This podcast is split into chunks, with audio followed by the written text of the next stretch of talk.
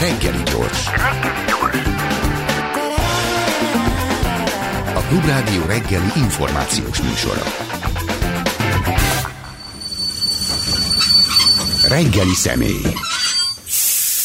Szlonkó Viola, az UNICEF Magyarország gyermekvédelmi igazgatója a vendégünk. Köszönjük szépen, hogy eljöttél. Köszönöm szépen a meghívást, jó reggelt! És mielőtt belevágunk abba, hogy pontosan mi van a szakellátásba, gyermekotthonokba, bántalmazott gyerekekkel, stb. Egy ilyen általános indítást gondoltam el, hogy amikor valaki, és nyugodtan a saját példádat, mások példáját, általános tapasztalatot is el tudsz mondani, amikor valaki úgy dönt, hogy ő a gyermekvédelemmel szeretne foglalkozni, segíteni akar gyerekeknek, és belép ebbe a rendszerbe lelkes fiatalként, akkor mivel fogod találkozni pontosan, és mekkora gyors csalódás fogja őt érni azzal kapcsolatban, hogy ő mit gondolt, hogy mit szeretne, és hogy ehhez képest mit lehet?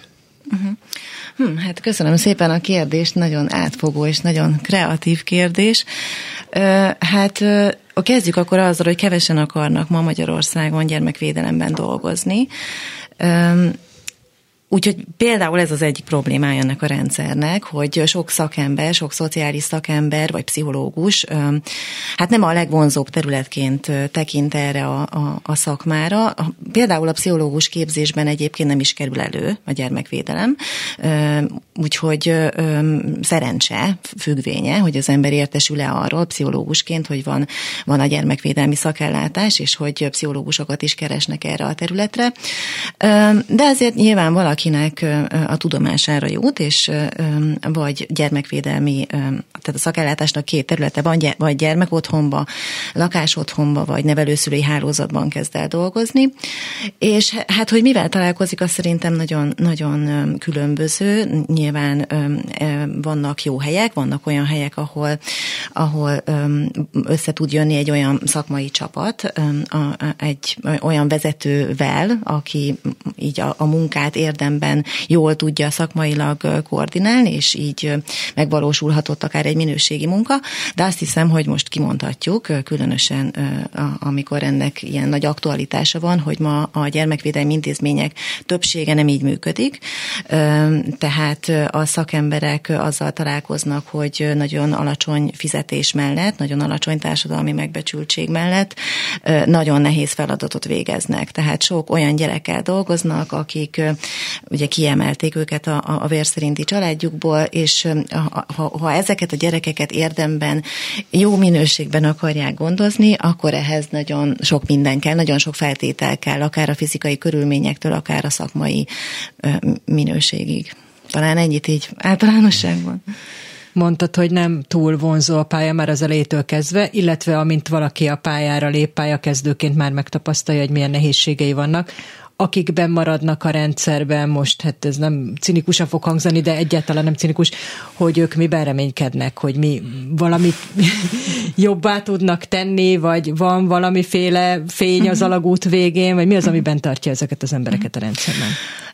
Hát a, gyerekvédelem azért egy nagyon izgalmas terület, tehát szakmailag is és emberileg is egy kincses bánya, mondhatjuk így. Tehát annak, akit, akit, akiket érdekelnek a gyerekek, a gyereksorsok, a, a, a, a, a szociális munkának vagy a pszichológusságnak ez a része, akkor ez egy nagyon érdekes terület. Nyilván gyerekekkel foglalkozni, nehéz sorsú gyerekekkel foglalkozni, az egy fajta hivatás, tehát hogy az marad ebbe benne, aki ebbe meg tudja találni az örömöt, meg aki, akinek a személyisége illik ehhez. Tehát, hogy kevés olyan ember van egyébként szerintem, aki, akinek van annyi mm, hát belső erőforrása, hogy ennyit tudjon adni magából, ennyi, ennyire tudjon jól figyelni, jól gondoskodni ilyen nehéz gyerekekről, de hogyha, de hogyha ez megvan, akkor, akkor ez egy örömteli munka is lehet. Tehát, hogy azért ezek a gyerekek nagyon jól reagálnak arra, hogyha valaki tényleg nyitottsággal az ő szükséglet szükségleteikre odafigyelve gondoskodik róluk, és így lét, létrejöhet egy olyan kapcsolat köztük, ami örömteli, és, és, és a gyerek érdekét szolgálja, és ez, ez egy olyan hajtóerő lehet a szakembernek, ami, ami őt tovább viszi, de mondom, akkor megint mondjuk el itt a korrektség kedvér, hogy, hogy szerintem elvétve vannak most ilyen szakemberek Magyarországon. Egy pszichológus, hogyha a gyermekvédelembe bekerül dolgozni, akkor ő hol fog dolgozni, és pontosan mi lesz a dolga, és agasztó kérdés, de hogy hány gyerek fog rájutni? Uh-huh.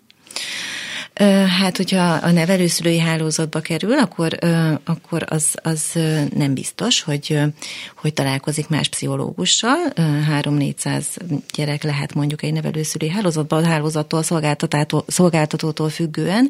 Ugye itt ebben a konstrukcióban, vagyis nevelőszülői hálózatban nem írja elő a törvény, hogy kötelező pszichológus, de azért a szolgáltatók, akár egyházi, civil, akár állami, most már felismerték, hogy nyilván szükség van pszichológusra, egy-két pszichológus dolgozik egy hálózatban jellemzően, ezeknek a szakembereknek az a dolga, hogy, hogy a nevelőszülő kiválasztását végezzék, az alkalmassági vizsgálatokat csinálják meg, utána mondjuk a gyerekeket összeilleszék a, a nevelőszülőkkel, de nyilván feladata az, hogy a gyerekekkel közvetlenül dolgozzanak, tehát hogy megcsinálja azt a felmérést, ami, ami a gyerekek állapotáról szól, hogyha a nevelőszülő szól neki, akkor, akkor segítsen a kritikus időszakokba vagy helyzetekbe beavatkozni, Nyilván több száz gyerekre nem tud egy-két pszichológus érdemben odafigyelni, úgyhogy talán próbál egy kicsit így a, egyrészt a tűzoltásban gondolkodni, hogy hol van a legnagyobb baj, és ott jelen lenni.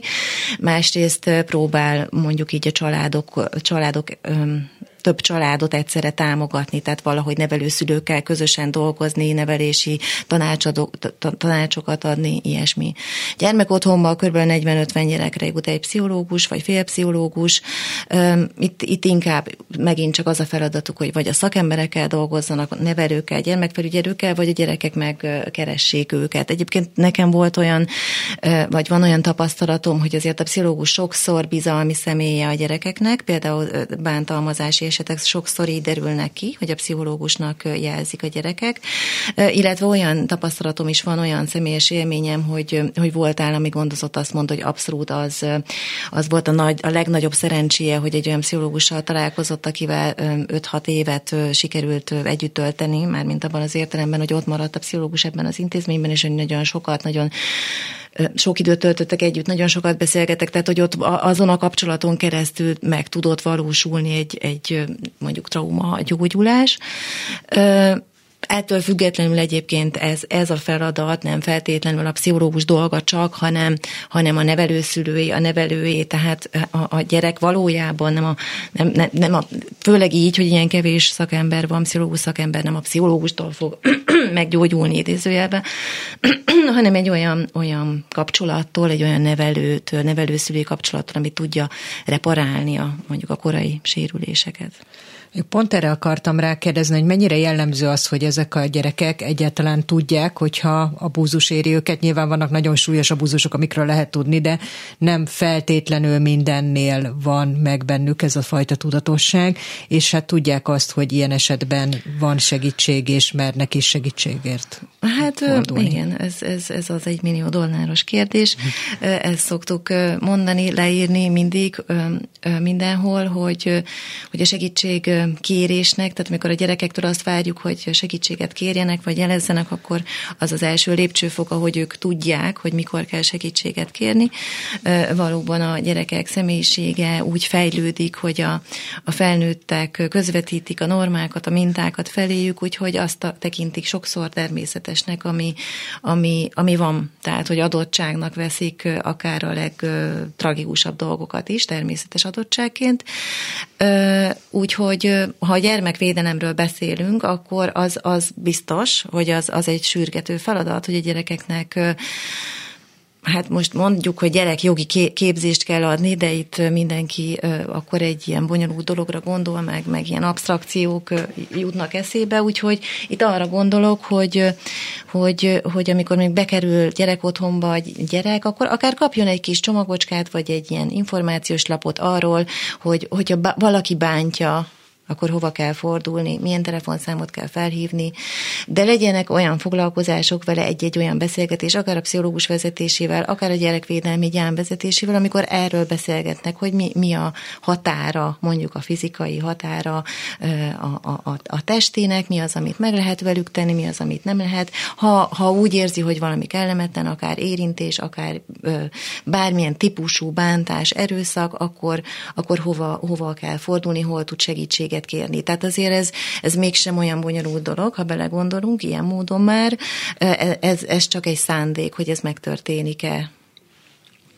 És ezek a képzések, ez a felvilágosítás, ez megtörténik? Mm. Ezt ki lehet mondani, hogy mm. erre van az intézményekben, vagy akár a nevelő szülőknél egy fajta igény, mm. hogy ez Igen. akkor legyen meg mindenkinél, illetve hogy megvannak-e arra az utak és a világos feladatkörök, hogy kinek a dolga észrevenni azt, hogyha egy intézmény, vagy pláne egy, egy nevelő szülőnél, ahol nyilván sokkal nehezebb rálátni, hogy ott napi szinten mi történik, hogy kinek kellene észrevennie azt, hogy valami olyan történik, aminek nem kellene. Uh-huh.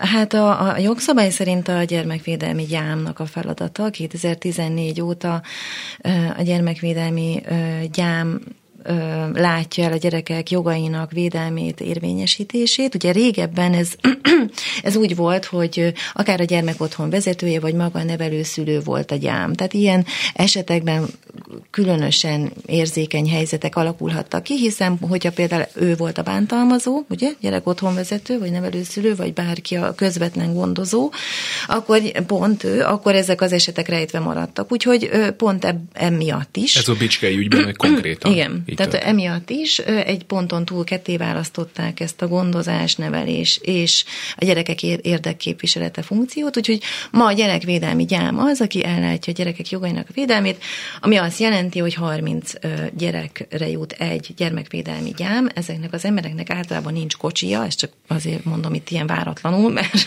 mert ez azt jelenti, hogy nagyon nehéz munkát végeznek, hiszen járják az országot, és nagyon hosszú idő nekik eljutni 30 gyerekhez, és Néha egyébként nem is 30, hanem inkább 40-50 gyerek tartozik egy gyámhoz, és mire odaér A-ból B-be, addig, addig elmegy egy nap, úgyhogy nem biztos, hogy egyáltalán meg tudja látogatni mindazt a gyereket egy hónap alatt, akit neki meg kell, ami azért baj, mert nem alakul ki köztük az a bensőséges, bizalmas kapcsolat, amiben, ami előfeltétele annak, hogy egy gyerek, ha bármi bántalom éri, akkor megnyíljon, vagy elmondja. Tehát a jogszabály a gyámhoz rendeli. Egyébként ö, ö, az az, az, az az ideális, vagy az a talán természetesebb módja is minden bántalmazási eset felgöngyelítésének, hogyha bárki a gyerek környezetében van, akiben a gyerek megbízik, neki mondja el a problémáit. Tehát azért most az én gyerekemnek sincs gyerekvédelmi gyámja, ugye, vagy, vagy semmelyik gyerekünknek nincs egy külön, tehát ott is a törvényes képviselő az egyébként, aki a, a jogait érvényesíti, tehát hogy azért az ideális az az, és mondom, a természetes módon ez úgy alakul, hogy gyerek valakiben a környezetében meg megbízik, akár az osztálytársban, akár az osztályfőnökben, akár a tanárban, akár a barátjában, stb. És akkor, ha bármi baja van, akkor elmondja, és viszont, és ideális esetben ez egy felnőtt, azért, egy bizalmi személy, és akkor ő viszont tudja gyám felé, gyerekjogi képviselő felé tovább vinni. Itt már a jogszabály meghatározza egy elég bonyolult protokollja van annak, hogy, hogy ha bántalmazási eset merül fel, akkor a gyám 24 órán belül kell, hogy értesítse a rendőrséget.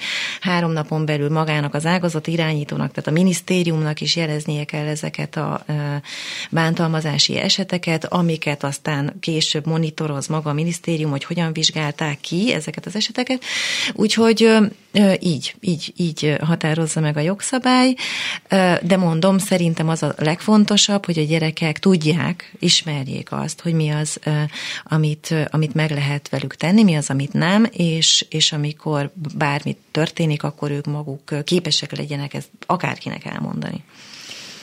Ez egy nagyon nehéz kérdés, meg nyilván nincs erre adat, de hogy mindaz alapján, amit elmondtál, hogy milyen sok gyerekre jut egy gyám, milyen sok gyerekre jut egy pszichológus, nem biztos, hogy minden gyereknek van a környezetében olyan, akiben nagyon megbízik, és aki közel áll hozzá, hogy milyen magas lehet a látencia, aki, aki mm. mondjuk már érzi, hogy valami rossz történt vele, tudja, hogy jeleznie kéne, de, nem bízik meg senkiben, és Igen. inkább elfolytja magával. Igen. Hát nem csak a látenciát nem tudjuk, hanem, hanem magukat, a gyerekbántalmazási eseteket sem tudjuk.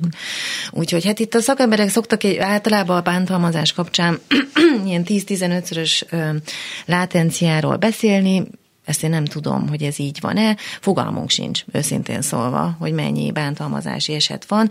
A hivatalos adatokat ö, tudhatjuk, mert mondom, ezeket gyűjti a, a, a minisztérium 2018 óta, ö, és a minden szolgáltatónak jeleznie kell az erre vonatkozó ö, adatokat. Ö, Egy legutolsó ismereteim szerint körülbelül 4-500 jelzés érkezik egy évben, de ebbe benne van minden, tehát mondjuk a hajhúzás, akár legkisebb, vagy pofon, vagy ö, verbális erőszak, stb. Ezeket lehetne egyébként elemezni, ezeket az adatokat, ez tök fontos lenne, hogy ismerjük, hogy milyen típusú jelzések jönnek, milyen szolgáltatóktól, hogyan vizsgálták ki ezeket az eseteket, hogyan, milyen tanulságokat vonnak le belőle.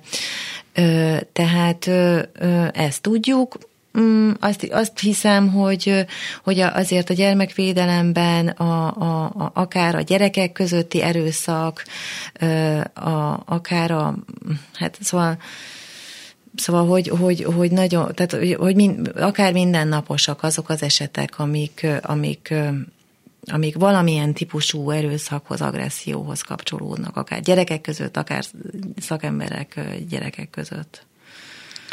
Azért tűnik nagyon nehezen megoldható helyzetnek ez, mert itt azért olyan gyerekekről van szó, akiknek az alapélményük az az, hogy őket vagy nem kellettek a családjuknak, vagy kivették a esetleg szerető, de valamilyen okból számukra nem megfelelő közegükből, és mondjuk valakitől, aki már akár a harmadik, negyedik eh, nevelőszülői családnál van, eh, elvárni azt, vagy azt várni tőle, hogy ő megbízzon valakiben, és neki elmondjon valami nagyon eh, kellemetlen és nehezen elmesélhető dolgot, vagy akár, hogyha az bántja őt, akiben egyedül megbízott, hogy ezt ő valahogy kezelje, hogy hát ezt e- ebben, ebben lehet biztosan javítani a statisztikákat, meg, meg erősíteni a gyerekekben ezt, hogy kérjenek segítséget, de hát gondolom, hogy biztos, hogy tökéleteset alkotni azt nem lehet. Az az kéne, hogy, hogy ne is legyenek benne ebben a rendszerben. Hát igen, így van, és, és ez, tehát az, hogy egy gyerek bekerül gyerekvédelmi szakellátásba, ott igen, neki már az előzményekben is nagyon többnyire nagyon hányatatott sorsa volt, vagy mondhatjuk, hogy minden esetben. Maga a, tra- a kiemelés traumája is nyilván nagyon megviseli őt. Sokszor a gyerekek ugye szegénység miatt, szegénységgel összefüggő problémák miatt kerülnek be, gyakran mondjuk elhanyagolás, bántalmazás miatt, szülők életviteli problémája, vagy pszichiátriai betegsége miatt, egyéb betegsége miatt valamilyen krízisbe kerül a család, azért kerül be átmeneti időszakra. Tehát, hogy, hogy biztos, hogy, hogy ott egy ilyen nagyon hányattatott helyzetből jönnek a gyerekek, és ami, amire neki szüksége van ahhoz, hogy, hogy ebből ebben megnyugodjon, vagy ebből aztán felépüljön, egészségesen fejlődjön, az az, hogy, hogy legyen egy olyan kapcsolata, ami, ami, ami segít neki mindebben. Tehát, tehát a, tulajdonképpen a legrosszabb, ami, ami történhet a gyerekkel, és ez történik, az az, hogy, hogy miután megtörtént, eleve nem alakult ki egy biztonságos kötődés sokszor a, a szülővel, de miután ez megszakad, utána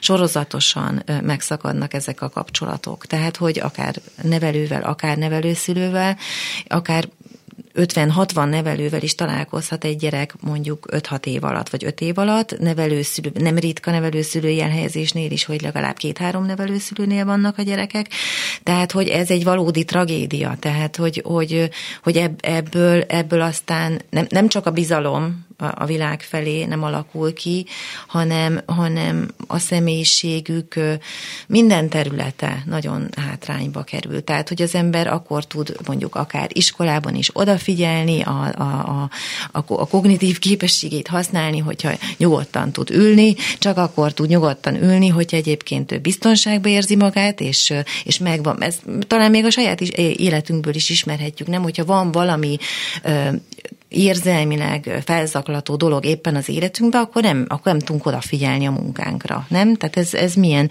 milyen egyszerű, és a gyerekeknél ez, ez a helyzet, hogy, hogy most gondoljunk bele abba a helyzetbe, amiben ő van, hogy váltogatja az otthonokat, a nevelőszülői családokat, a testvéreket, a megyéket gyakorlatilag, és neki ebben a helyzetben kéne odafigyelnie az iskolában a, a matek órán.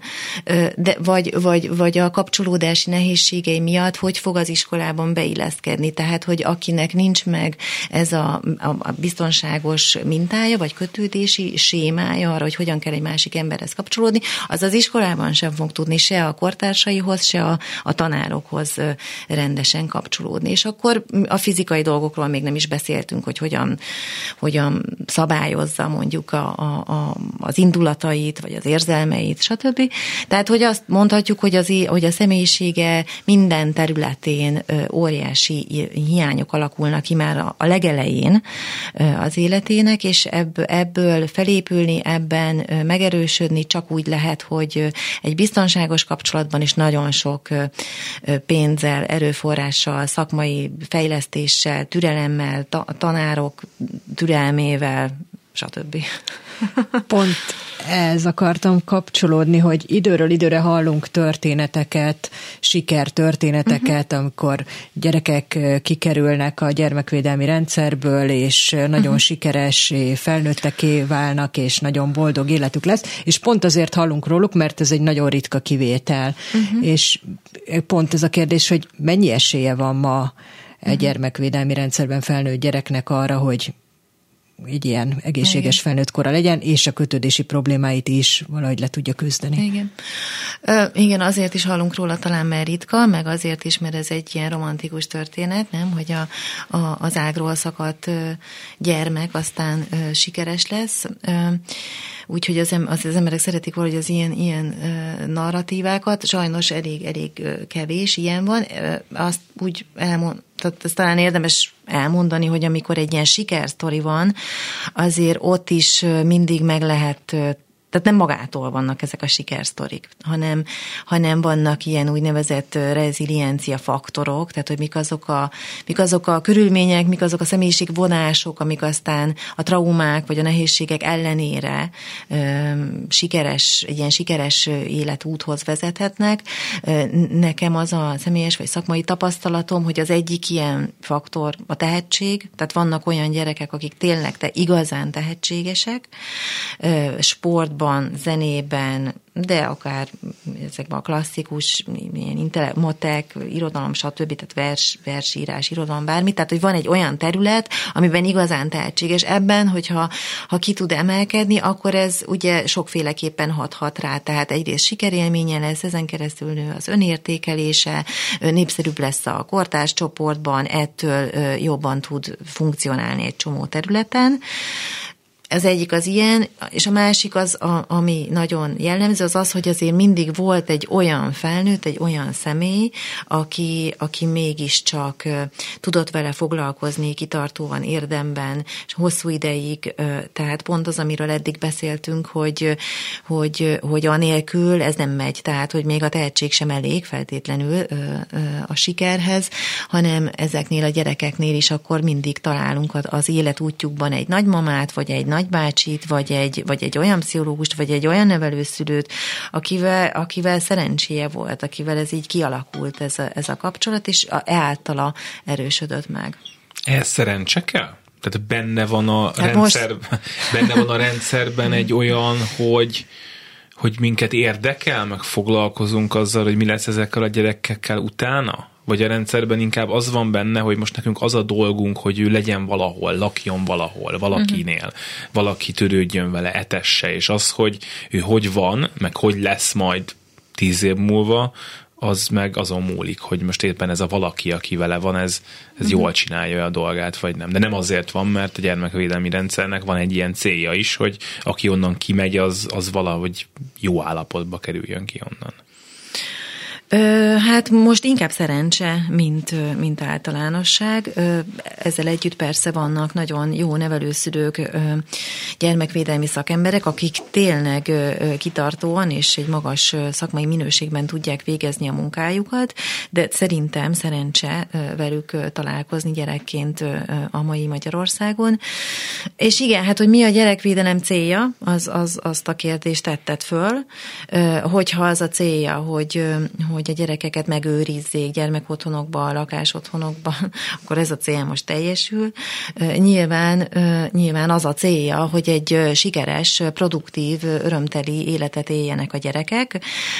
Egyébként nem csak a gyerek miatt ez a célja, tehát nem csak a gyerek érdeke, ami mellesleg vezérelve kéne, hogy legyen az egész gyermekvédelmi ellátásnak, hanem, hanem a, a társadalom érdeke is, meg a, a, akár egy nemzetgazdasági érdek is. Tehát nyilván a, az, hogy a gyerekek amikor ki, kikerülnek a rendszerből, akkor képesek-e a társadalom aktív tagjaivá válni, képesek-e munkát vállalni, képesek-e normális kapcsolatokat kialakítani, vagy pedig mondjuk függőségekkel, vagy tehát függők lesznek, valamilyen szerhasználatba kezdenek, ezen keresztül az egészségügyi állapotuk is romlik, ami terheli az egészségügyi rendszert, vagy elindulnak a kriminalizálódás felé, jobb hiány időzélbe, tehát ez egyáltalán nem mindegy a társadalomnak, meg a, a nemzetnek, hogy, hogy, hogy hogyan, vagy, vagy, vagy hogy, hogy hogyan, igen, tehát hogy hogyan kerülnek ki ezek a gyerekek. Ehhez kapcsolódó adat azért, hogy például a, a hajléktalanok között legutóbbi adat vagy kutatás szerint, amit olvastam a hajléktalanok kb. 25 százaléka volt állami gondozott valamikor az életében, úgyhogy hát ez, ez is egy ilyen piros zászló azzal kapcsolatban, hogy mennyire végzi jól a gyermekvédelem a, a munkáját. Amikor társadalmi mobilitásról beszélünk, akkor mindig el szoktuk mondani, hogy az OECD országok közül Magyarország leghátul, vagy a leghát túllévők között van, és arról is szoktunk beszélni, hogy a helyzet egyre rosszabb, és hát gondolom, hogy ez fokozottan érinti a gyermekvédelmi rendszerben lévőket, hogy amikor kikerülnek, akkor még talán kevesebb esélyük is van, mint mondjuk 10-20 éve volt, hogy ez mennyire van így, vagy mennyire látod így? Uh-huh. Fú, hát ez, e, erre nem biztos, hogy tudok válaszolni, hogy tíz éve milyen volt mm, a kikerülés, és az abból következő, következő, nem tudom, boldogulás, és most milyen, az, az, az biztos, hogy most nem jó. Tehát, hogy azt szerintem most egyszerűen azzal kell foglalkozni, hogy, hogy most mi az az erőforrás, amit, amit bele kell rakni ebbe a rendszerbe ahhoz, hogy, hogy itt, a, ha tényleg ki kell emelni a gyerekeket a családjukból, akkor valóban egy olyan helyre kerüljenek, ahol nekik jobb mint ahonnan kiveszik őket, mert ha, meg, ha nem jobb, vagy rosszabb ráadásul, akkor, akkor, akkor nagyon butaságot csinálunk. Tehát, hogy igazából szerintem most itt van a történelmi pillanat, hogy, hogy, hogy a, a törvénykezés, a döntéshozatal az komolyan vegye ezt a dolgot. Most minden civil, minden szakember, minden gyermekvédelemben dolgozó ember, a, a, a civil társadalom általában, tehát nem csak az ezzel, ezzel ezzel foglalkozó civilek, de most van egy nagy társadalmi érdeklődés ezen a témán. Ez a szakpolitikának talán most ezt érdemes lenne kihasználni, hogy, hogy egyeztet ezekkel a szakemberekkel, átvilágítja, ugye hallottuk ezt a kormányinfón is, hogy egy átvilág, átvilágítás fog kezdődni, tehát hogyha az átvilágítás valóban arra irányul majd, hogy mik azok a területek, amik, amik óriási hiányjal küzdködnek, és hogy lehet ezeket a területeket orvosolni, akkor akkor mindenki örülni fog. Tehát, hogy ez, ez a feladat, tehát, hogy egy, egy, most az a feladat tényleg, hogy, hogy a felmerülő, nagy, már nagyon régóta maga, a gyerekvédelmi rendszer görgeti maga előtt ezeket a problémákat, ezeket most orvosoljuk. Én nagyon picit engedj meg, hogy a bántalmazás kérdéséhez visszatérjünk, mert hogy szerintem most a Bicskei ügy kapcsán arra a kérdésre várnak választ nagyon sokan, hogy hogyan van az, hogy itt 2011-től ezek az információk, ezek megvoltak a rendőrségnél, megvoltak a fenntartónál, és valahogy mégis 2016-ig kellett várni ahhoz, hogy, hogy a dolog a bíróságra elkerüljön.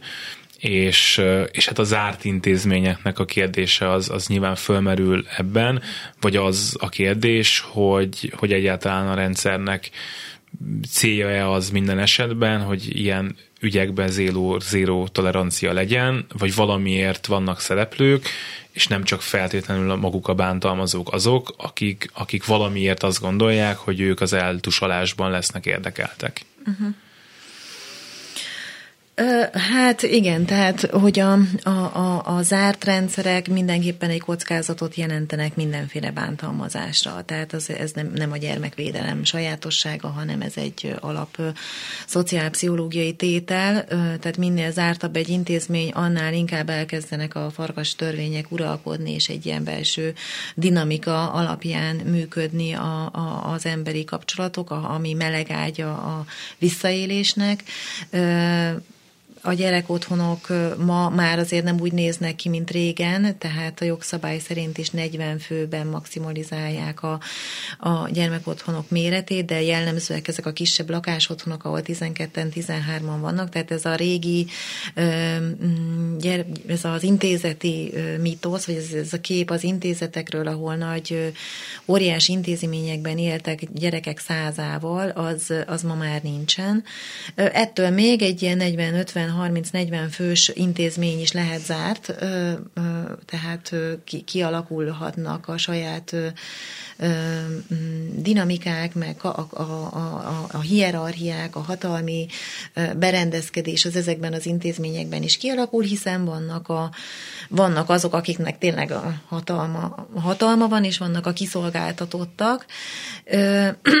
Egyébként ez a gyermekbántalmazási protokoll, ami életben van, vagy ami hatályos 2018 óta gyerekvédelmi szakellátásban mindenhol, ez pont ezt az ártságot igyekszik enyhíteni. Tehát pont azzal, hogy a gyermekvédelmi gyámnak adták ezt a feladatot, hogy, hogy a bántalmazási eseteket vigye, kivizsgálja, jelezzen, és aki ugye nincs benne az intézményben, tehát itt rögtön garantálják, hogy legyen egy külső szereplő ebben a történetben, azzal is, hogy mondjuk a gyerek jogi képviselő is ezekről az, a, az esetekről tudomást kell, hogy szerezzen, azzal is, hogy aztán maga a minisztérium is, vagy a fenntartó.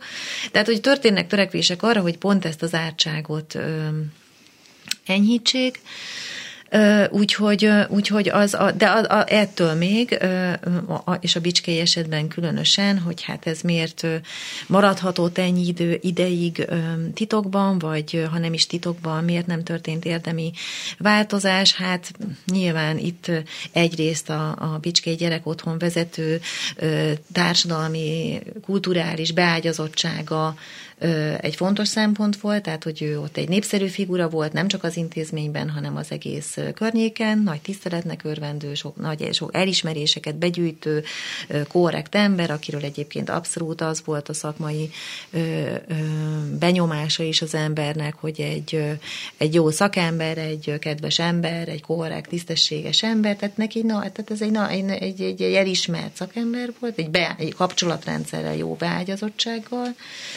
Másrészt meg hát a, sajnos a bántalmazásnak ilyen a dinamikája, ez a természete, hogy amikor van egy, van egy bántalmazó, akkor az úgy tudja forgatni a helyzeteket, a kapcsolatokat, és különösen azoknál a gyerekeknél, aki, aki kell, kell, kellő vissza tud élni, hogy ezek az esetek hosszú ideig rejtve maradjanak. Tehát azért az érzelmi manipuláció, a zsarolás, a, tehát megvan az eszköztára egy ilyen embernek úgy, hogy ráadásul nagyon sokat ad. Tehát, hogy itt mindig arról van szó, ugye, hogy nem csak bántja a gyerekeket, hanem, hanem nagyon sokat ad, nem csak ajándékot, hanem figyelmet, gondoskodást, valamilyen módon szeretetet, és ezeknek a gyerekeknek egyszerűen erre szükségük van, tehát, hogy minnyájunknak arra van szüksége, hogy odafigyeljenek ránk. Ezek a gyerekek ebből nagyon keveset kaptak, és szomjazzák tulajdonképpen a bármilyen típusú figyelmet, és, és ebből, ebből nagyon könnyen történnek visszaélések.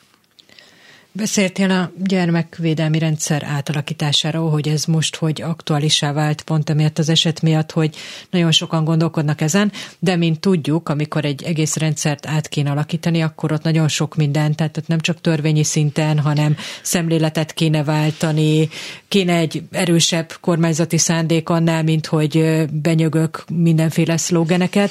Tehát és plusz van az a másik faktor, amiről te is beszéltél, hogy hát van egy nagyon fáradt és nagyon uh-huh. hiányos szakembergárda. Hát mi lenne az első lépés, vagy hogyan lehetne egyáltalán uh-huh. ezt elindítani, ezt a nagyon komplex folyamatot uh-huh. szerintem? Igen, hát igen, szóval hogy ez nem mind egyik napról a másikra megy, az biztos, tehát hogy itt egy ilyen stratégiai gondolkodásra van szükség, és mondjuk 15-20 év alatt lehet talán érdemi változásokat elérni, de, de azért ezek a 15-20 évek eltelnek akkor is, ha nem csinálunk semmit, tehát hogy már, már így is eltelt 15-20 év azóta, vagy akár 12-3 év, amióta ugyanaz a kormány van. Úgyhogy tehát azért itt egy ilyen hosszú, hosszú távon kell tervezni, tervezni. Ugye az UNICEF Magyarországgal mi megfogalmaztunk nyolc pontot, ami, amiről azt gondoljuk, hogy mindenképpen sürgető feladatai a gyerekvédelmi rendszer hát javításának.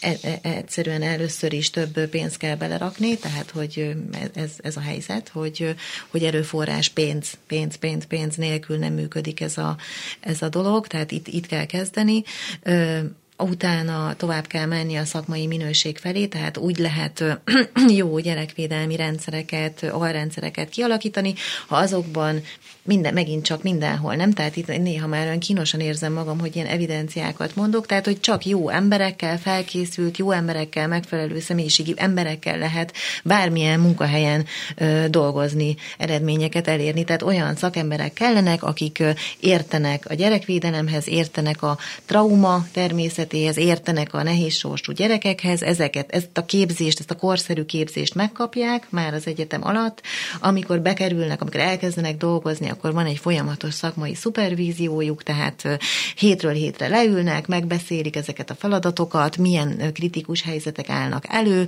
tehát van egy, egy, egy, egy olyan szakmai közeg, ami, ami, amiben a szakember is tud fejlődni, amiben ő is jól érzi magát. Tehát, hogy ha van pénz, van erő, szakmai erőforrás, akkor már, akkor már egész jól állunk. És akkor utána jöhetnek az ilyen szofisztikáltabb dolgok, hogy mondjuk a gyermekvédelmi tehát a, a gyereknek az érdekeit, mondjuk ki képviseli, hány főt adunk ugye egy gyámnak, hány gyereket nevel egy nevelőszülő,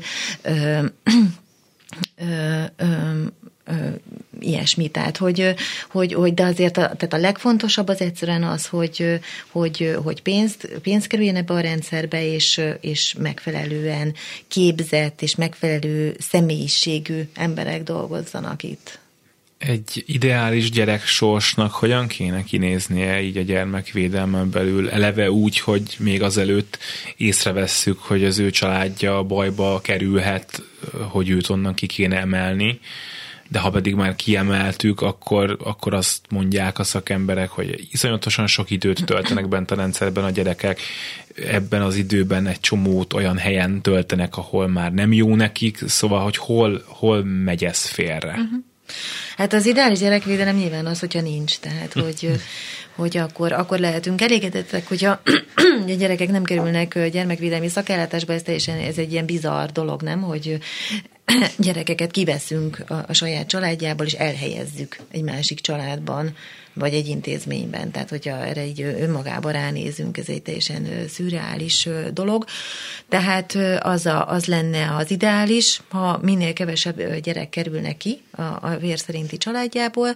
Magyarországon egyébként ez olyan 2-3 százalék körül van, Európai Unióban 1 százalék, tehát a 1 százalék alá nem is nagyon le, úgy tűnik, hogy azért nehéz lemenni, vagy nem lehet, vagy nagyon nehéz, tehát ugye tehát, hogy azt kell először is megelőzni, hogy a gyerekeket kiemeljék a családból. Nyilván van az az eset, amikor nem lehet, tehát amikor a gyereket tényleg súlyos bántalmazás éri, bármilyen típusú visszaélés, szexuális, ér, stb. fizikai, de azért az eset, tehát itt a prevenciónak van egy nagy-nagy hangsúlyos szerepe. Tehát az ideális életút az mondjuk ott kezdődik, hogy véget is ér a gyerekvédelmi karrierje, tehát nem, nem kerül ki a családjából azért, mert mondjuk azokat a családokat, akik bármilyen szempontból kockázatosak, mert mondjuk nagyon szegények, vagy mert egy szülő neveli a három gyereket, vagy akár csak egyet, vagy azért, mert lányanya neveli a gyereket, azok már olyan kockázati tényezők, amíg akkor a szakembereknek, a gyerek jóléti szolgálatoknak a radarján keresztül látótérbe kerülnek ezek a családok, és megkapják azt a plusz támogatást, ami, ami, ami ilyenkor kell. Tehát, hogy aki nevel gyereket, az tudja, hogy még az ideális ö, körülmény körülmények között is nagyon nehéz gyereket nevelni, rettenetesen nagy ö, ö, feladat, és szerintem ez inkább úgy van kitalálva, ha evolúciós perspektívában nézzük legalábbis, hogy inkább a, a kis közösségekben, tehát mondjuk néhány felnőtt és a sok gyerek, 10-15 éve, 10-15 fős közösségekben nevelt az emberiség gyereket hosszú-hosszú-hosszú éveken, vagy korszakok, időszakokon keresztül, tehát már a nukleáris család is egyébként egy nehéz helyzet, vagy nehéz felállás, amikor nincsenek nagyszülők, nagynéni közösség bevonva ebbe a feladatba. Na, de hogyha, tehát, hogy vannak ezek a kockázati tényezők, amiket, amiket elmondtam, hogyha ide plusz erőforrás megy az alapellátás felől, gyerekjóléti szolgálatok felől, akkor már sokat tehetünk azért, hogy ezek a családok megerősödjenek, és akkor elkerülhető esetleg a gyereknek a kiemelése. És utána pedig, hogyha mégse kerülhető el, akkor viszont hát arra kell törekedni, hogy a lehető legkevesebb időt töltse a, a szakellátásban. És ez csak úgy történhet meg, hogyha meg, nem feledkezünk meg a családról, tehát nem úgy gondolkodunk, hogy ja, hát most már úgy is kivettük a gyereket, most már mindegy, hanem tovább dolgozik a szociális munka eszközeivel a szakember, és megerősíti a családot a munkahelyek keresésével, képzéssel, függőségről, leszokásban, stb. És tehát amíg ez nem sikerül, amíg nem lesz alkalmas a család arra, hogy, hogy hogy, hogy visszavegye a gyereket, addig persze ott van a gyerekvédelemben, de egy folyamatos kapcsolattartásban a szülő és a gyerek között. És és amikor, amikor a család megerősödik, akkor, akkor pedig hazamegy a gyerek. Nyilván utána is kell figyelni a családot, hogy jól boldogul-e, nem történt, nem esnek-e vissza, megfelelően vezetik-e az életüket. Talán ez így foglalható össze. Akkor meg kicsit lovagolnék ezen a törvényi részén a dolognak. Ugye van ez a bizonyos 97-es gyermekvédelmi törvény, az igazi, ami ez nem kell idézőjelet tenni, és ebbe sikerült belerondítani néhány vállalhatatlan propagandelemmel két évvel ezelőtt, de ha ezeket leszámítjuk, nehéz, akkor maga a 97-es gyermekvédelmi törvény, amiről egyébként szakemberek jókat szoktak mondani, az most is megállná a helyét, tehát egy kiindulási alapnak ahhoz, hogy bármilyen változás elindul induljon, az alapvetően elég lenne? Ö, azt szokták mondani, igen, azt szoktuk mondani a szakemberek, hogy a 97-es gyermekvédelmi törvény az egy nagyon korszerű törvény volt, ettől még azért eltelt 30 év, tehát hogy azért, és, való, és kicsit ilyen toldozgatás, fordozgatás ment az utóbbi években, ráadásul valóban kiegészült ilyen akár propaganda elemekkel is. Az alapja nagyon jó, akkor nagyon korszerű volt, most is egyébként egy nagy, abból a szempontból egy progresszív törvénynek számít, hogy, hogy, az, hogy az elvek szintjén is nagyon, nagyon mm, rendben van, tehát ugye a gyerek érdeke, amiket most elmondtunk, hogy, hogy, hogy minél később kerüljön ki a gyerekvédelmi, vagy az a saját családjából minél ö, ö, kevesebb időt töltsön a szakellátásban, tehát azért ki van találva egy intézményi struktúra, hogy kiknek kell foglalkozni a gyerekekkel, akár alapellátásban, szakellátásban, tehát hogy a, az elvek szintjén ez egy jól ö, kitalált rendszer. Igazából mindig csak a, az alkalmazásával volt a probléma, leginkább azért, mert soha nem volt annyi pénz, annyi erőforrás ebben a, ebben a rendszerben, hogy, hogy, hogy, a, hogy a jogszabályokat be lehessen tartani. Tehát a Szilvási Léna, aki tegnap itt volt, ő mondta, vagy ő szokta mondani, hogy amikor el, elfogadták ezt a törvényt, akkor valaki ott a minisztériumban 97-ben felkiáltott, hogy segítség győztünk, És hát ezzel arra utalt, hogy hát, hát egyrészt nagyon jó, másrészt meg hát most mit, mit, mit fogunk tenni, hogy fogjuk betartani a törvényeket. Sokat beszélünk mostanában arról, hogy hát ki kéne használni ennek a kegyelmi ügynek a, a, a média reprezentációját, meg azt, hogy a politika is ezzel most kénytelen volt elkezdeni foglalkozni, hogy legyen valami. Te mit gondolsz? Egyrészt mennyire vagy optimista, másrészt azok az emberek, akik benne vannak ebben a rendszerben, és nyilván segíteni szeretnének gyerekeknek, és nem akarják azt, hogy a hajléktalanok 25%-a az az ő kezük közül jöjjön ki, ők mennyire elhivatottak abban, és mennyire erősek ahhoz, hogy alulról is tolják ezt egy kicsit, hogy, hogy itt vagyunk, szeretnénk segíteni, adjatok nekünk forrást és lehetőséget erre, mert máshogy nem fog menni. És most tessék, most itt van ez a lehetőség. Hát szerintem a gyermekvédelem egy állami feladat, úgyhogy a társadalom jó szándéka és figyelme annyit tud segíteni ebben az esetben, hogy napi renden tartja a témát, nyomást gyakorol akár a döntéshozatalra a tekintetben, hogy érdeklődik a téma felé, fontosnak tartja, társadalmi párbeszédeket kezdeményez erről, civilek is, igen, elmondják a véleményüket, dialógus a gyermekekért, stb. minden szerveződik, ami, amiben bekapcsolódnak emberek, tehát nyilván a, a politikai döntéshozatalnak az egyik faktora az az, hogy a társadalom mit vár el a politikai döntéshozataltól. Tehát a társadalom felől van egy igény, egy elvárás, vagy akár egy nyomás, nyomás arra vonatkozóan, hogy itt történjen rendszer szintű vagy érdemi változás, az, az segíteni fog ezen a dolgon. Úgyhogy ezért nagyon-nagyon jó, hogy, hogy a társadalom most e, e, ilyen intenzíven érdeklődik a téma felé. Meglepő egyébként, hogy így hirtelen lett egy ekkora érdeklődés, mert, mert idáig a, a közönnyel, meg a, meg a hanem törődömséggel találkoztunk inkább. Persze vannak olyan civil szervezetek, kisebb civil szervezetek is, akik nagyon fontos munkát végeznek ezen hosszú évek óta. Tehát, hogy szerintem azért e, ez fontos, hogy a társadalom napi renden tartsa a témát, és kifejezze, hogy, hogy, hogy, hogy, hogy fontosnak tartja a gyerekek ügyét, ezeknek a gyerekeknek az ügyét, mert akkor arra reagálnia kell a döntéshozatalnak. Úgyhogy Úgyhogy én, én mondjuk most optimista vagyok valamelyest, remélem, hogy nem múlik el ez az érdeklődés, és, és, és azt is remélem, hogy a, hogy a, a, a szakpolitikusok nyitottak lesznek akár a, a civilek, akár a, a gyermekvédelmi szakemberek javaslataira. Ezzel az optimizmusoddal fogjuk befejezni a beszélgetést. Köszönjük szépen, hogy eljöttél. Köszönöm a meghívást. Szlankó Violát, az UNICEF Magyarország gyermekvédelmi igazgatóját, jól mondtam, hallották az elmúlt szűk egy órában, és ezzel a reggeli gyors a végére is ért, elkészítésében segítségünkre volt eh, Lantai Miklós, Balogh Kármen és Zsidai Péter.